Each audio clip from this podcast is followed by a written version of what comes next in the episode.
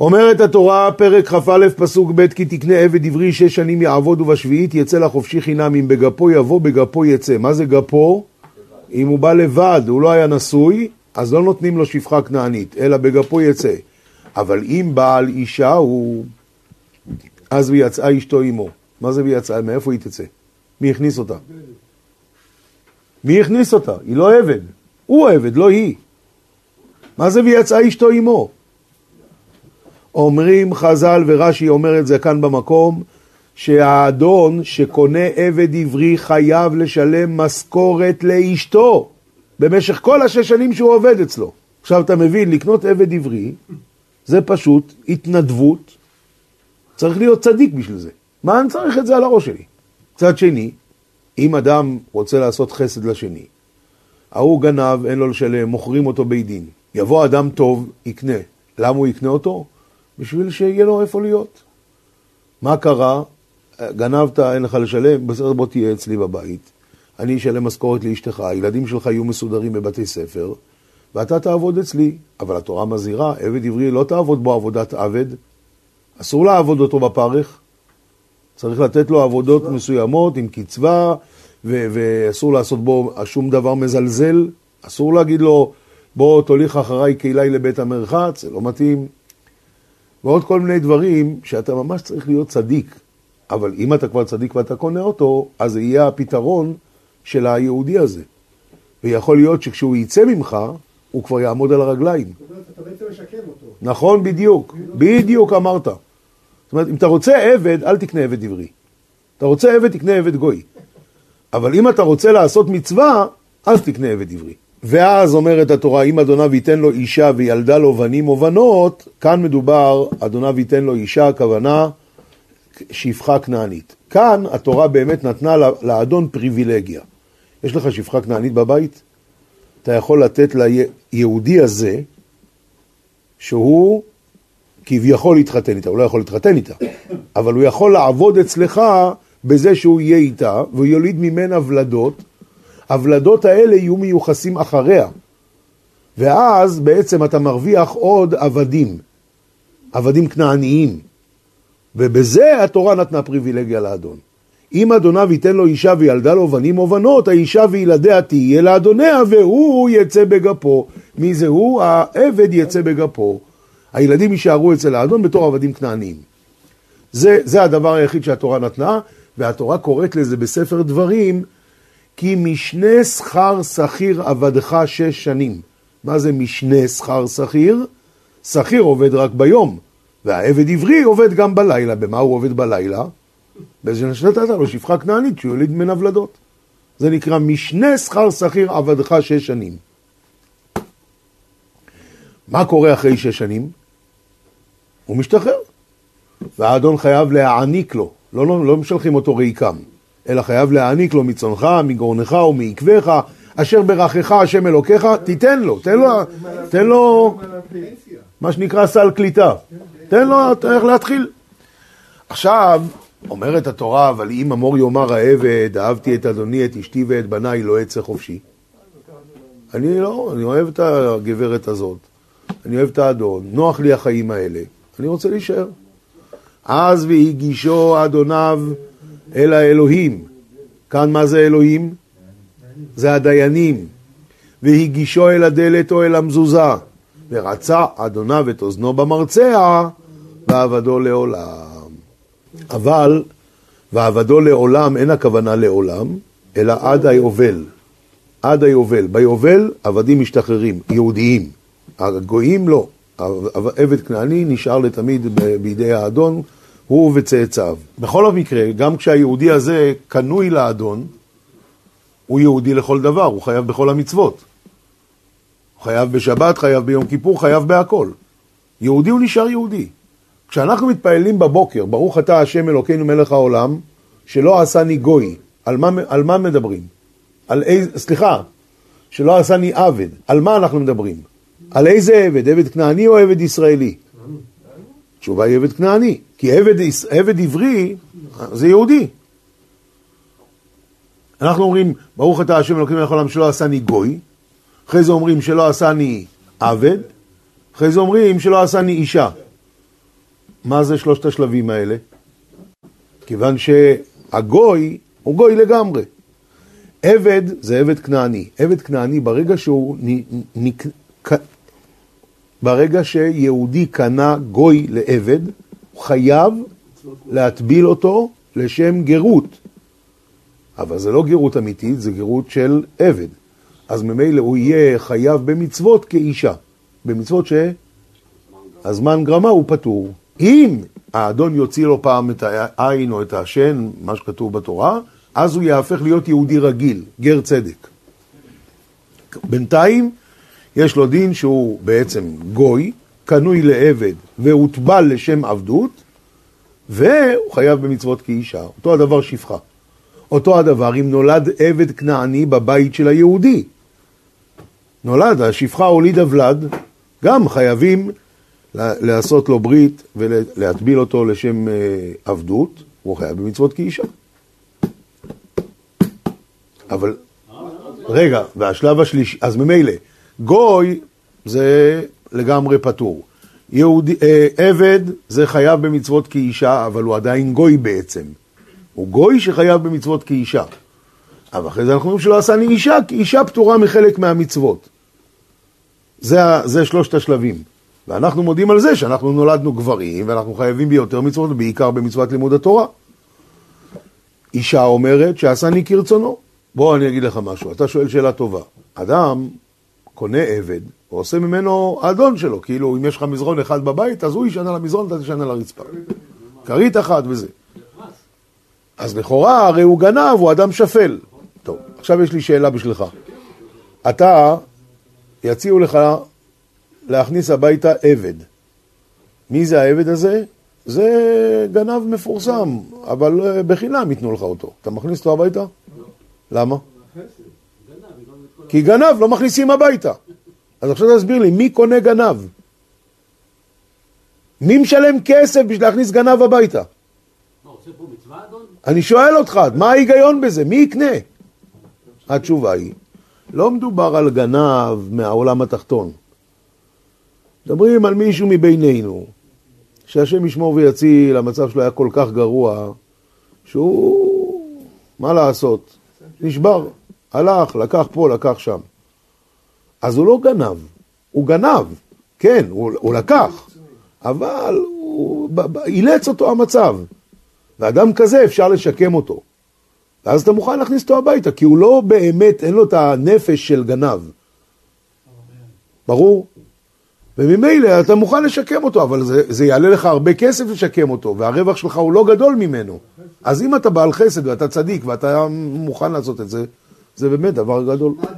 וכי הפרק כ"א פסוק י"ד וכי יזיד איש על רעהו להורגו בעורמה מאם מזבחי תיקחנו למות. מה כתוב כאן? אדם בא ובמזיד הרג את רעהו להורגו, אבל עשה את זה בעורמה. מה זה בעורמה? בתחבולה, הוא לא בא אליו, הוא פחד שהוא יברח, אז הוא עשה לו איזה תרגיל. מאי מזבחי תיקחנו למות, איך הגיע לפה המזבח? התשובה היא הוא כהן. לא, לא, הוא כהן, הרוצח הוא כהן, והוא באמצע העבודה עכשיו מקריב קורבן. אומרת התורה, קורבן פסול, תוריד, תוריד אותו. קח אותו, להרוג אותו. ואם הוא יעשה את העבודה, העבודה פסולה. הקורבן הזה פסול. מאם מזבחי תיקחנו למות. אבל כאן יש רש"י מאוד מעניין. אומר רש"י, וכי יזיד, למה נאמר? לפי שנאמר, מכה איש, שומע אני אפילו רופא שהמית, ושליח בית דין שהמית במלכות ארבעים. מה פירוש המית במלכות ארבעים? השליח בית דין נתן את המלכות שהבית דין פסקו, והוא הרג את המסכן הזה.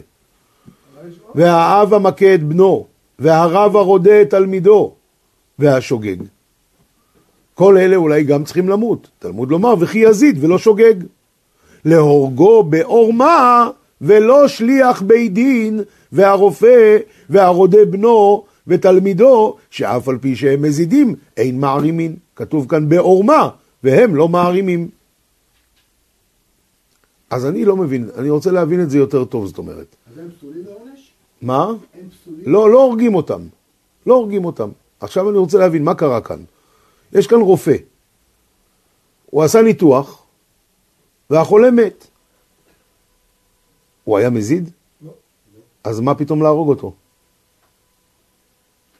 מה מה ההווה אמינא? הרי בלי מזיד ודאי שלא הורגים. לא רק מזיד, מזיד והתראה. צריך שני אלמנטים. מזיד, שהוא רוצה, שיש יסוד נפשי של רצון לה. כל אדם שעולה על מכונית, הוא בעצם יכול להרוג אנשים. רק מה? אף פעם אין כוונה, חוץ מהרשעים האלה, יימח שמם ש... שעושים פיגועים. הנורמלי, בן אדם לא מתכוון להרוג, הוא מתכוון להגיע מהר, הוא נוסע לא לפי החוק, אבל הוא לא מתכוון להרוג. אז אם הוא לא מתכוון להרוג, אז הוא שוגג. עכשיו כאן מדובר על רופא, על רב שרודה את תלמידו, אב שמכה את בנו, ושליח בית דין. אז אין כאן את היסוד הנפשי של להרוג בכלל. אז למה חשבת שהוא יהיה חייב מיתה? צריך בשביל זה פסוק להגיד שהוא לא חייב מיתה? הוא לא מזיד, הוא לא מזיד. אבא רוצה להרוג את הבן שלו? אתה אומר, יכול לקרות. אבל אז הוא מזיד. אבל אם הוא מכה את בנו, בשביל לחנך אותו, הרודה את בנו, הרודה את תלמידו, רופא, הוא באמצע ניתוח, החולה מת. היה כאן יסוד של רוצה להרוג מישהו? אז מה, מה הווה אמינא? מה, אתה אומר בגלל ההשגחה? אז מה? אין כאן יסוד נפשי שאדם רוצה להרוג. מזיד זה רצון להרוג. אין כאן. והתשובה היא כך. קודם כל, אמרנו כבר, בשביל להרוג בן אדם צריך שיהיה גם מזיד וגם עדים והתראה. מה זה התראה? העדים רואים שהוא הולך להרוג והם מתרים בו. אם אתה תעשה את זה, אתה תהיה חייב מיתה. זה נקרא התראה. אם לא הייתה התראה, לא חייב מיתה. חייב מיתה זה רק בשני התנאים האלה. היה עדים התראה ושהוא היה במזיד כמובן. אם לא היה מזיד אז אין עדים ואין התראה, כי מה יש לה להתרות? לא... אבל אם היה עדים והתראה והוא היה מזיד, אז חייב מיתה. אז כשאנחנו מדברים על זה שצריכים לפתור את הרופא או את האבא שמכה את בנו, או את הרב שרודה את תלמידו, או את שליח בית דין, איך היה פה עדים והתראה? איך, איך, איך, איך מגיע מצב שהיה עדים והתראה? מוכרח להגיד שהיה כאן מצב כזה. הרופא רוצה לעשות ניתוח. באים שני רופאים אחרים, הוא לא, אתה תהרוג אותו. הוא לא יעמוד בניתוח הזה. ומתרים בו. אתה תעשה את זה, אתה תהרוג אותו. ואתה תהיה חייב מיתה. והוא אף על פי כן עשה את זה. רק שנייה, לאט לאט. אותו הדבר אבא ורב, שמכה את תלמידו או את בנו. הוא אומר לו, מה אתה עושה? ילד חלש, הוא יקבל מכה כזאת, הוא ימות, אתה תהיה חייב מיתה. שוב, עדים והתראה. והוא לא התכוון להרוג, הוא התכוון לחנך. הלאה, המקרה האחרון, שליח בית דין. בית הדין אומרים, תיתן לו את המלקות. הוא חייב במלקות, תן לו את המלקות. באים שני עדים אומרים לו, תשמע, הבן אדם הזה עבר ניתוח לב שבוע שעבר. אם אתה עכשיו מרקיע אותו, הוא ימות, ואתה תהיה חייב מיתה. והוא אומר, לא, מה פתאום, הוא לא ימות, הוא נתן את המכה. האם זה נקרא שוגג? אפשר להגיד שפה לא הייתה כוונה בכלל להרוג? כן. אני אגיד לכם מה אני מתכוון לשאול. יש לנו אונס, דוגמה, היה נכד של הרב ווזנר לפני המון שנים בבני ברק, יש שדרה בבני ברק שמותר לנסוע לשם על שלושים, כי זה שדרה, יש באמצע כאילו גינה, משני הצדדים חנייה ואז מדרכה.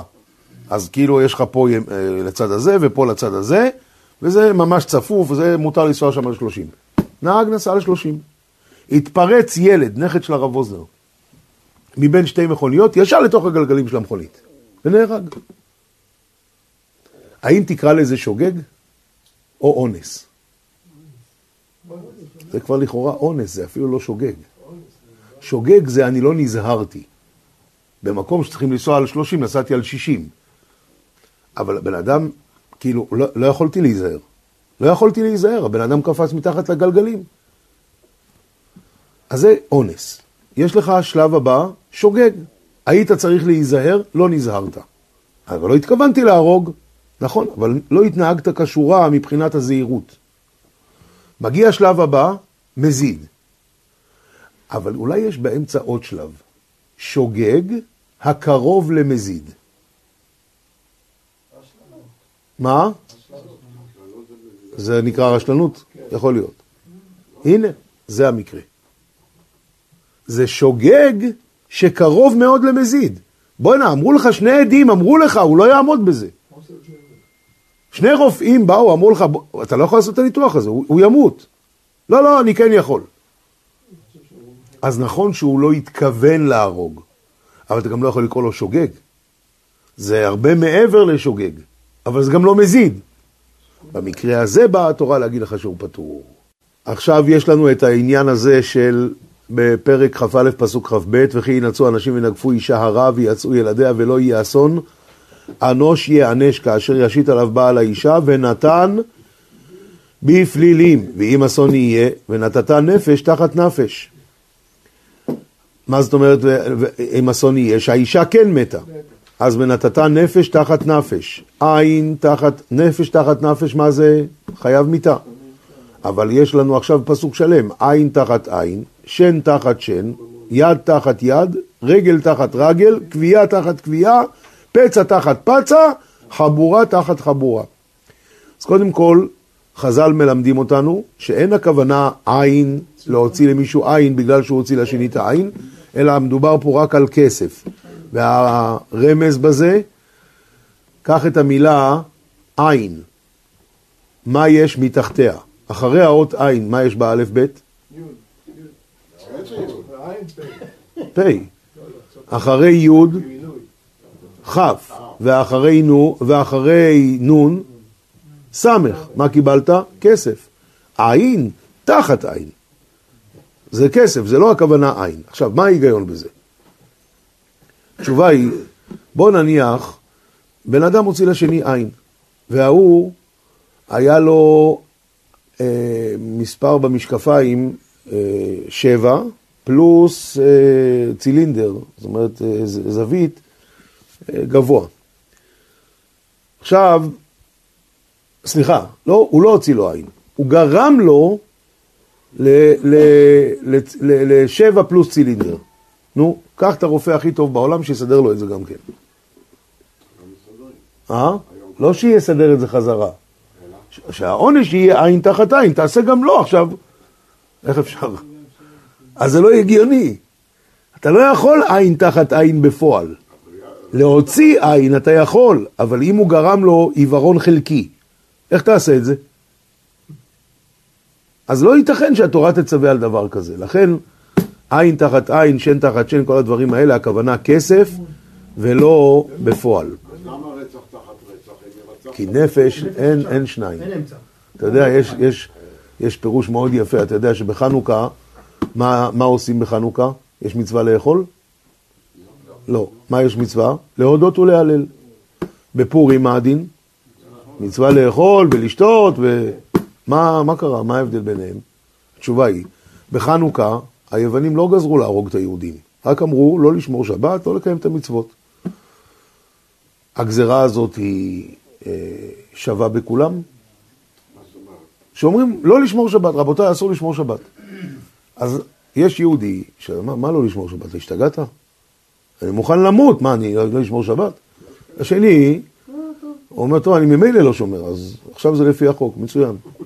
השלישי, הוא אומר, תשמע, אני תמיד הייתי דתי, אבל אם אסור, אז אסור, כאילו, למה לא? אז...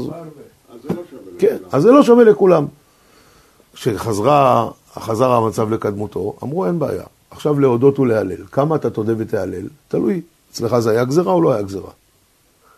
כל אחד לפי מה שהוא, יודה ויהלל לפי זה. בפורים לא היה אפשרות, לך, לך לכומר תנשק את הצלב. הצלת את עצמך? כמו אצל היטלר, אף אחד לא הציל את עצמו. ממילא להרוג, לכולם יש את אותו קישקה ואת אותו רגליים ואת אותו ראש. אז יאללה, תאכל, זה לכולם יש אותו דבר. פרק כ"ג פסוק ב' לא תהיה אחרי רבים להיראות ולא תענה על ריב לנטות, אחרי רבים להטות. אז יש לנו הלכה שהולכים אחרי הרוב. וכמה פעמים קרה במשך הגלות הארוכה שאנחנו נמצאים בה, בפרט במדינת ספרד, כשהיהודים היו שם והנוצרים שלטו, שהכריחו את היהודים להתווכח עם הכומרים. כי הרי המלך היה נוצרי, והיהודים הם אנטיתזה לזה, אז כאילו, מה, אז מי צודק?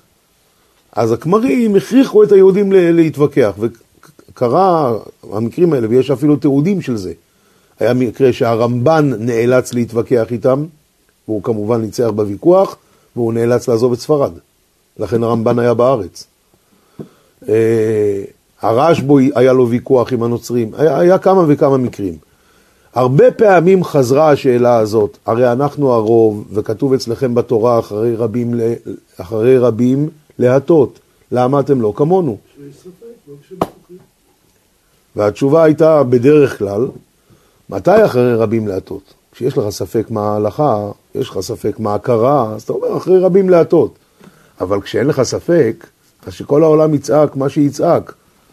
ברור לי מה היה פה, ברור לי מה הדין, אז אין פה, אין פה שאלה, אז על מה אני אלך אחרי רבים? מספרים שרבי יונתן אייבשיץ עשה את זה פעם בתרגיל יפה, הוא אמר לה, הכומר שאל אותו את זה, ויונתן אייבשיץ זה תקופה הרבה יותר מאוחרת וזה בפולניה. בכל אופן, אז, אז הוא אמר לכומר, בוא, בוא, בוא נצא לרחוב. אמר לכומר, עכשיו תסתכל למעלה, וגם אני אסתכל למעלה, תראה מה יקרה. שניהם נעמדו ככה, הסתכלו. תוך חצי שעה עמדו שם עשרת אלפים איש והסתכלו, וכולם ראו שם מה שיש. כי הרי לא יכול להיות שהכומר והרב מסתכלים ואין שם כלום. אז אמר, הבנת? זה לא רבים. זה לא רבים. כשאני יודע מה האמת, אין לי מה ללכת אחרי רבים. עוד סיפור דומה לזה, שרבי יונתן אייבשיץ, שהיה ילד, היה נקרא מאוד חכם, והמלך רצה להכיר אותו, אז המלך, אז המלך אה, אמר שהוא יבוא אליו לארמון. עכשיו הוא נתן הוראה שיטעו אותו, איפה, הוא ישאל איפה המלך נמצא, שיטעו אותו. אז הוא הגיע, הילד, ושאל איפה המלך, ואמרו לו, שמה. הוא הלך לכיוון השני ונכנס אל המלך. שאל את המלך, איך הגעת? אז הוא אמר, אה, נכנסתי, ראיתי. אמר, אבל שאלת? הוא אומר, כן, כולם אמרו הפוך. אמר לו, אז למה באת הנה? ראיתי שפה יש את השומר. כשברור לי, אז כולם יגידו לי הפוך, זה לא משנה, זה ברור לי. אז מה, מה השאלה פה בכלל? אז אין אחרי רבים להטות, רק במצב שאנחנו לא יודעים מה, מה היה או מה הדין. אז אחרי רבים להטות. וזה הסיבה שיש לנו את השולחן ערוך, כי מה שקרה, כל זמן שהיה סנהדרין בלשכת הגזית, אתם יודעים, סנהדרין בלשכת הגזית, איפה זה לשכת הגזית? בבית המקדש. היה מקום מיוחד שבו ישבו סנהדרין של 71, וזה נקרא סנהדרין גדולה. עכשיו, בכל עיר גם היה סנהדרין של 23. וכשהיה ויכוח בסנהדרין, בעיר, אז היו עולים אליהם, והם היו הערכאה האחרונה, שם מחליטים וזהו, וזה ההלכה. וזה ההלכה לכל עם ישראל, ומי שחלק על זה, היו הורגים אותו, זה נקרא זקן ממרא. תלמיד חכם גדול הוא זקן, נקרא זקן. זקן זה לא בגיל, זה הכוונה תלמיד חכם גדול. אם הוא חולק על הסנהדרין, זה נקרא זקן ממרא, והורגים אותו. ברגע שכבר אין לנו סנהדרין, זה כבר קרוב לאלפיים שנה, אין מי שיפסוק את ההלכה שהיא תהיה מקובלת על כולם. ואז יש לנו מחלוקות בגמרא, ובגמרא פוסקים הלכה. אבל הבעיה היא שהחיים ממשיכים, ויש כל הזמן שאלות חדשות, וגם בגמרא לא תמיד פסקו את ההלכה הסופית. ואז פתאום אתה מקבל שהרמב"ם פסק ככה, הריף פסק ככה, הריף זה רבי, יושי, רבי יצחק אה, אלפסי, ראשון הראשונים, עוד לפני הרמב"ם הוא היה, הוא היה במרוקו. ויש לך את הראש, שהיה באשכנז, בגר, בגרמניה, והוא פוסק פעם, אה, צורה אחרת, ואנה אנו באים. ואז בא רבי יוסף קארו, שהיה לפני 500 שנה. הוא אמר, רבותיי, אני עושה בית דין. מה זאת אומרת? אני מושיב את הרמב"ם, את הראש ואת הריף, ואני פוסק לפי רוב דעות. וכך הוא עשה את השולחן ערוך, שתהיה הלכה מקובלת על כל ישראל. בא הרמו, רמוישה איסרלי, שהיה באותה תקופה של רבי יוסף קארו, רק הוא היה באירופה, בעיר שנקראת קרקה בפולין, והוא הוסיף לבית דין הזה עוד שלושה ראשונים. הריף, הרמב"ם, הראש, הוא הוסיף את הרשב"ו, שהיה בספרד, את הר"ן, שנדמה לי גם היה בספרד, ומי זה השלישי, אני לא זוכר, בכל אופן הוא עשה לפי שישה, וממילא הפסקים השתנו בחלק מהמקרים, וזה מנהגי אשכנז. ולפי זה הולכים עד היום. הספרדים הולכים לפי רבי יוסף קארו, כי הוא היה הרב פה בארץ ישראל, וכל הספרדים נחשבים תלמידים שלו, והאשכנזים הולכים לפי הרמו. זהו. לסיום, יום אחד הרב עובדיה עליו השלום היה בספרד, והמלך התכבד להזמין אותו. ואז כשהוא היה אצל המלך, אמר לו המלך, תגיד לי, אני רואה שאתה חותם ס"ט, ספרדי טהור. אתה נולדת בספרד? בכלל, מה אתם קוראים לעצמכם ספרדים? מה, כל הרוצה ליטול את השם יבוא וייטול? אני מלך ספרד, אתם לא נולדתם פה. אמר לו, תשמע, אנחנו כולנו תלמידים של הרמב"ם, ותלמיד נחשב כמו בן. והרמב"ם, הוא הרי היה ספרדי, הוא נולד בספרד. למרות שרוב החיים שלו היה במצרים, כי, גיר, כי הוא גורש. הוא לא גורש בגירוש הגדול, אבל הוא נאלץ לעזוב.